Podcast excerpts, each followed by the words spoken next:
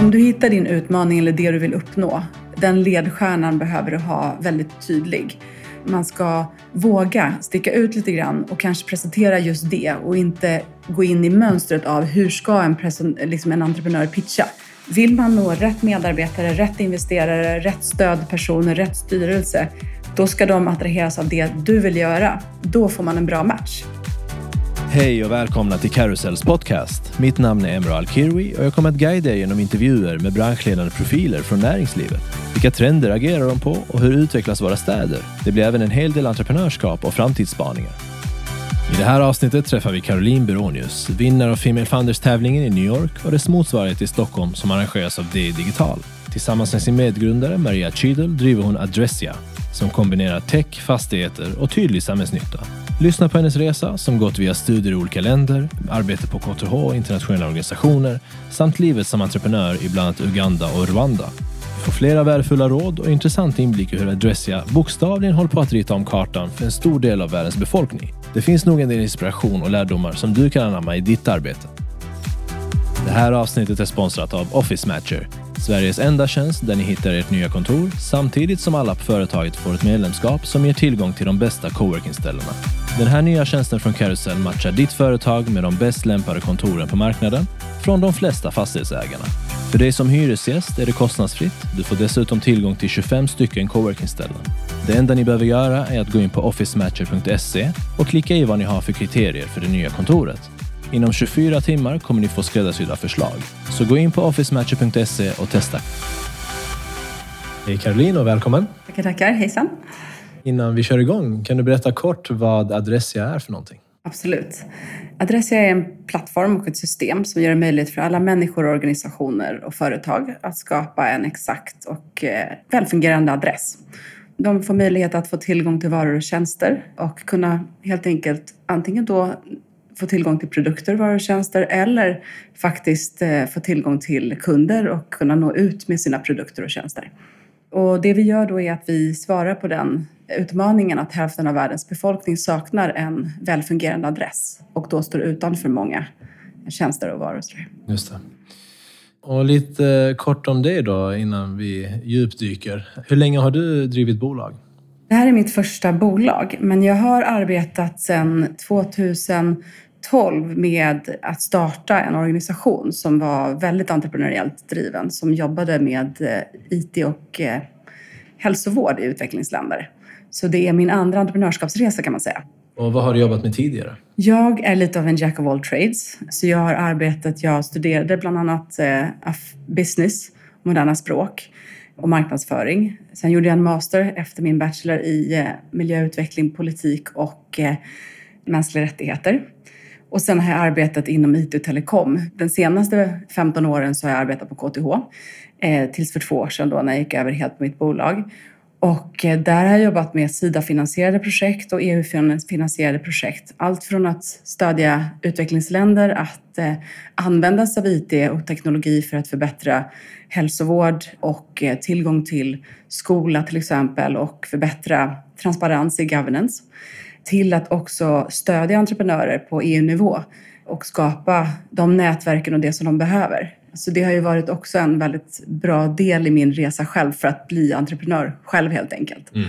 Vi kommer att gå in på Adressia. Jag har ju vunnit massa priser och annat. Men om vi börjar med själva bolagsstarten och vad som fick dig att starta bolaget.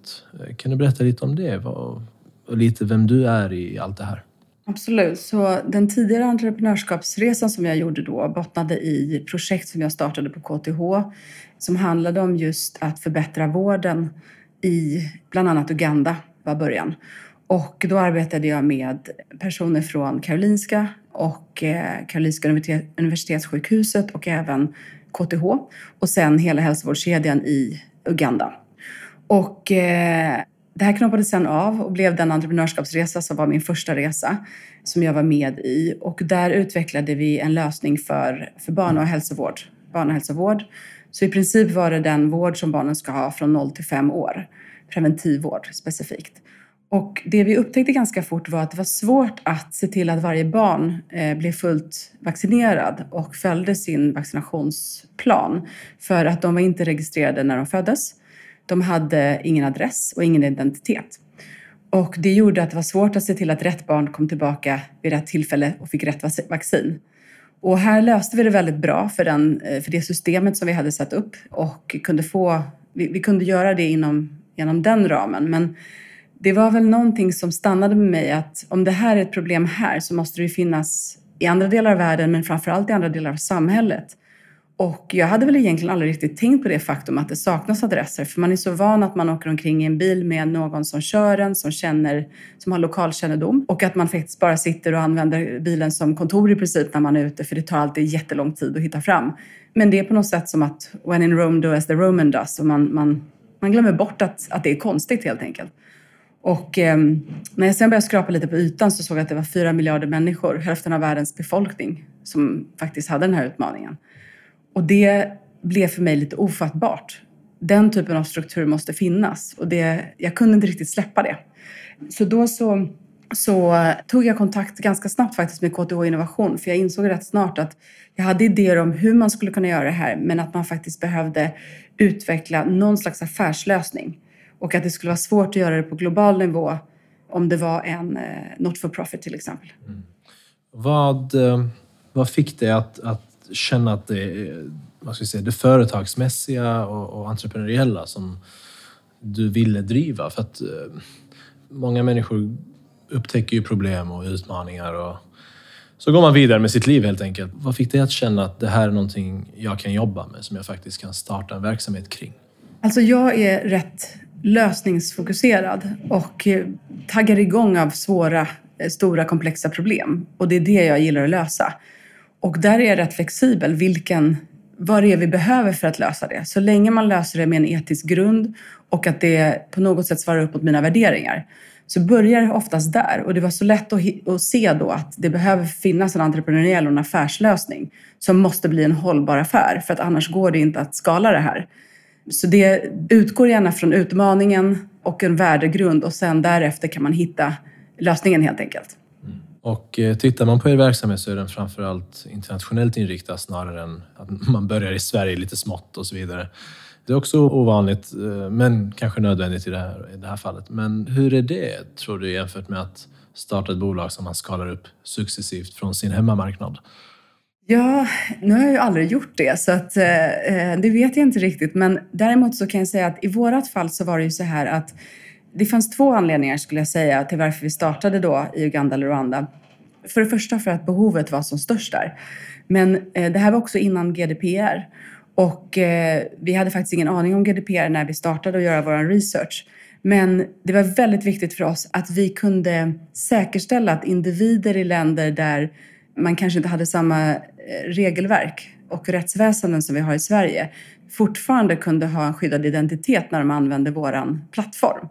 Så vi gjorde väldigt mycket research där och vi, vi hade som tanke att vi går dit där det är svårast och där folk är mest känsliga för att ge ut personlig information för att man har erfarenheter av att det har missbrukats. Så att vi kunde säkerställa att även där kan man tänka sig att lita på våran tjänst.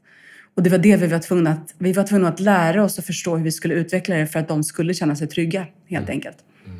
Ja, intressant. Om vi går framåt eh, och kikar på... Det här är ju kopplat såklart till städer och stadsutveckling och många andra samhällsfunktioner som är essentiella, som du var inne på.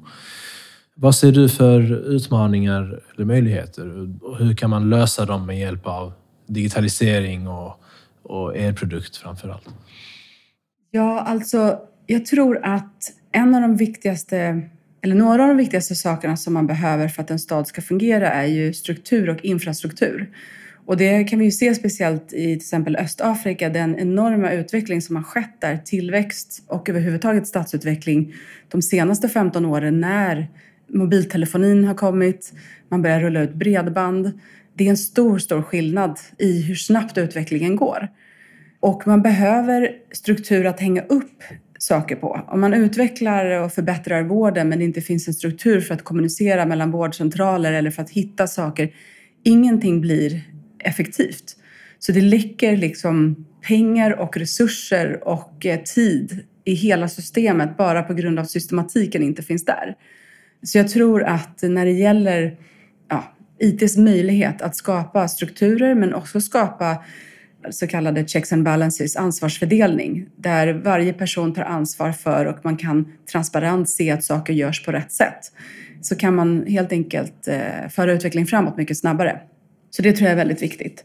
Och eh, här till exempel så adresser, det är en del av den liksom grundläggande infrastruktur för att saker och ting ska funka. Inte bara att få leveranser och hitta dit man behöver komma, men det är också en ganska stor del av en identitet. Så till exempel när jag bodde i England, flyttade dit 94, så fick jag ju komma med en gas och en elräkning för att kunna få ett bankkonto och bevisa att jag är en person som tillhör den här adressen och haft någon slags aktiviteter. där.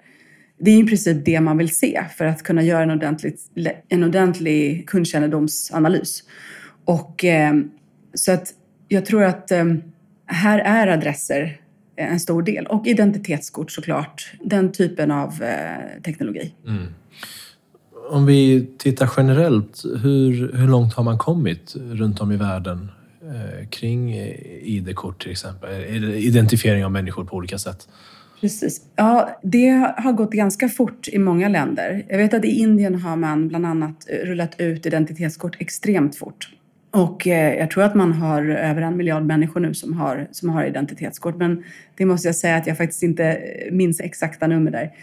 Dessutom så i Uganda och Rwanda har det också gått väldigt fort.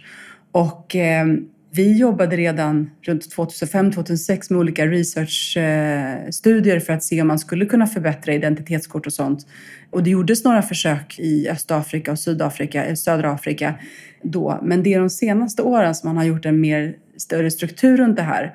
Och det man har gjort många länder är att man har kopplat identitetskorten till sitt simkort. Så att det går inte att få ett simkort till telefonen om man inte har identitetskort och, i princip tvärtom. Men man har däremot inte kunnat koppla det till en adress. I bästa fall så kopplar man till en födelseadress. Så det är egentligen inte där personen befinner sig. Den typen av registrering har man inte på samma sätt. Vilket gör att det fortfarande är lite svårare till exempel med post payment och lån och försäkringsärenden och sånt där. Och innan vi går in på hur er produkt löser det här, eller en del av problemet. Hur ser det ut idag i de här på de här platserna där det finns de här utmaningarna. Hur, hur är vardagslivet för människor som beställer saker eller besöker läkaren och så vidare? Ringer brandbilen eller vad Ja, precis. Ja, det är väldigt komplext. I både Uganda och Rwanda så har man börjat införa adresssystem. Eh, I eh, Kigali i Rwanda så har man numrerat vägarna lite grann som eh, New York. Förutom att vägarna är väldigt kringlig krokiga så det går inte riktigt att räkna ut var nummer ett, två, tre finns någonstans.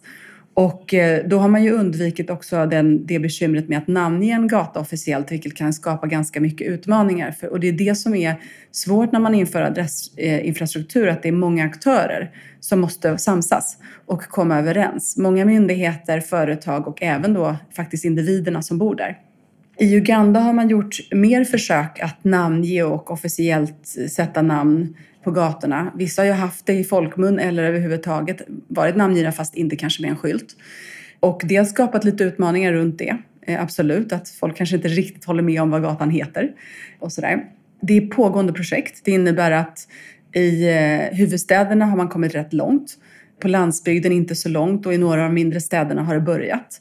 Eh, det innebär också att människor som har adresser måste kommunicera med folk som kanske aldrig har sett en adress och vad det är.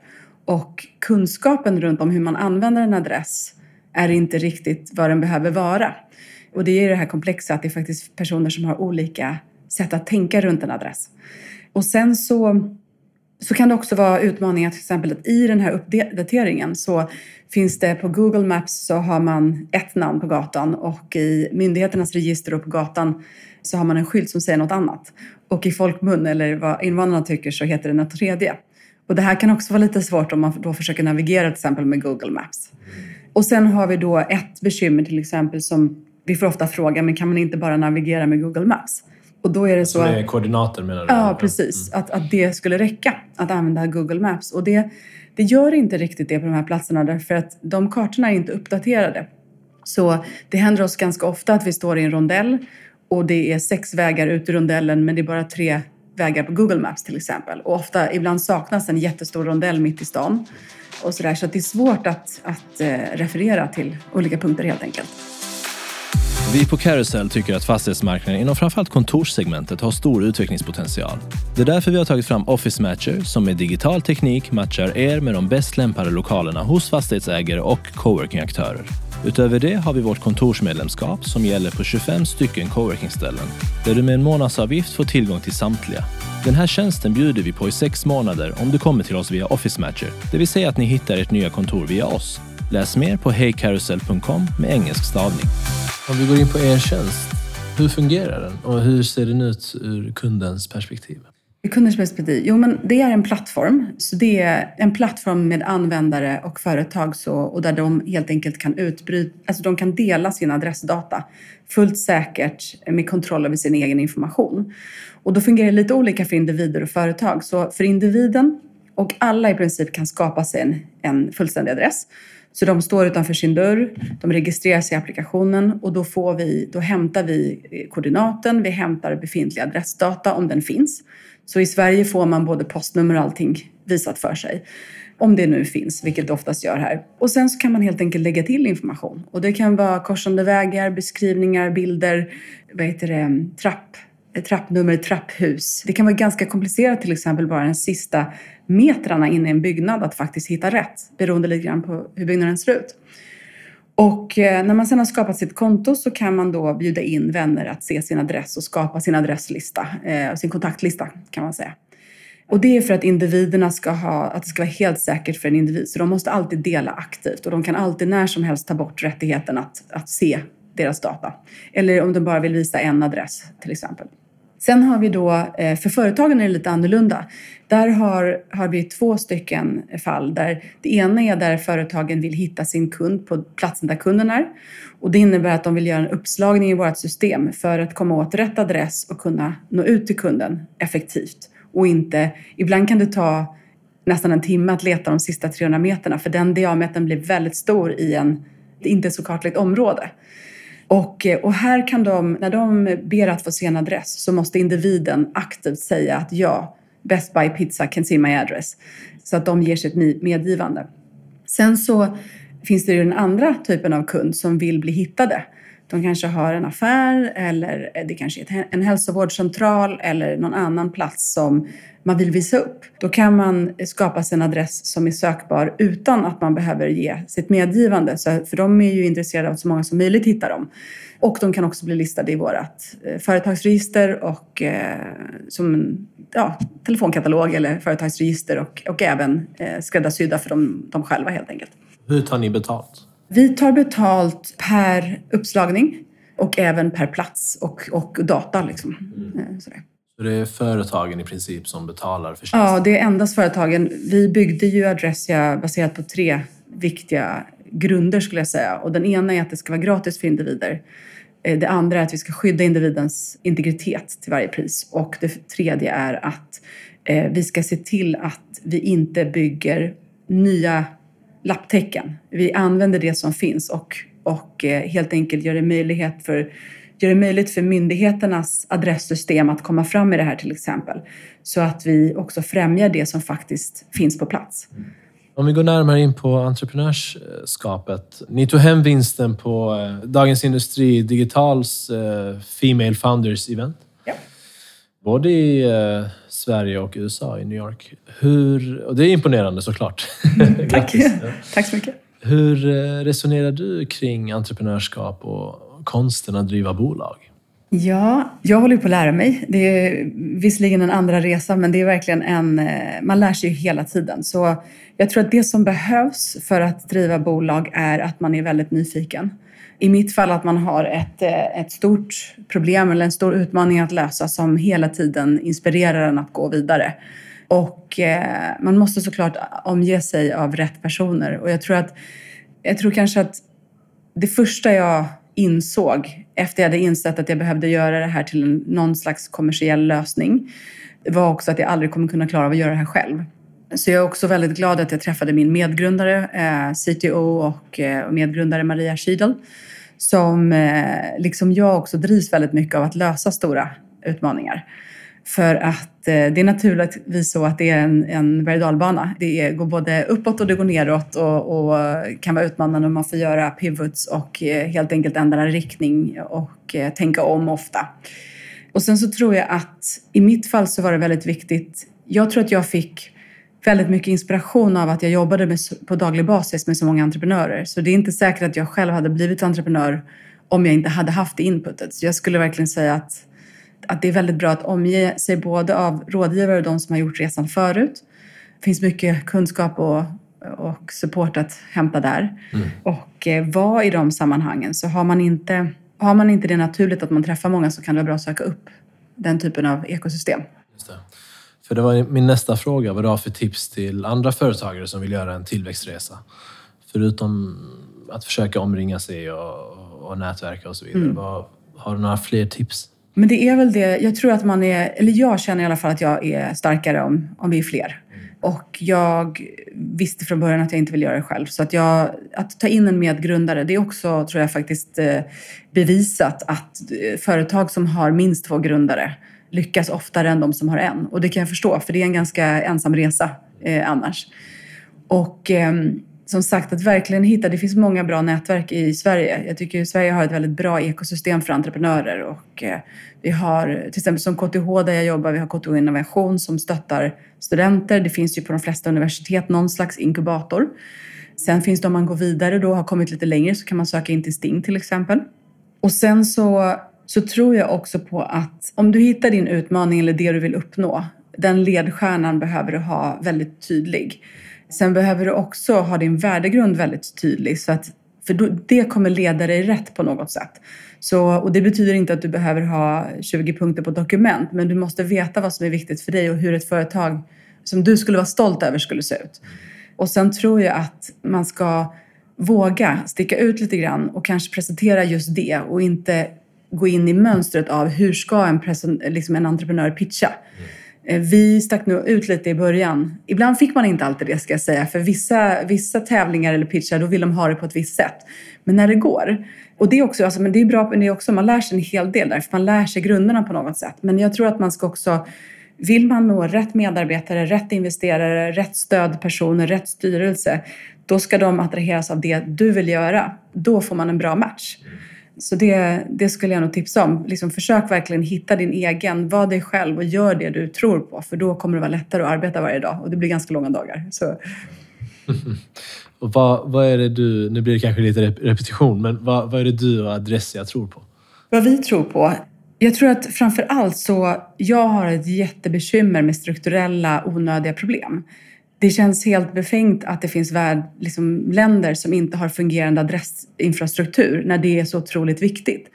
Och jag kommer ihåg att jag upptäckte det här, faktiskt första gången jag upptäckte det här, den här utmaningen, men också hur långt vi har kommit i Sverige. Det var när jag hade en delegation från ugandiska parlamentet i Stockholm. Det var 2008 och jag var då på en IRO och på Lantmäteriet och vi gjorde studiebesök och allting. Och och började prata om hur det är med adresser och hur man beskriver en adress och, där. och att vi faktiskt har haft eh, registrerade byggnader och adresser i flera hundra år i Sverige. Sen Gustav Vasas tid om jag inte minns fel. Och vi har haft eh, eh, postkodsystem i decennier. Vi har liksom en struktur eh, som gör att det är enkelt att utveckla på. Och jag kan på något sätt bildligt se framför mig hur mycket oreda och brus det är i ett system som inte fungerar väl.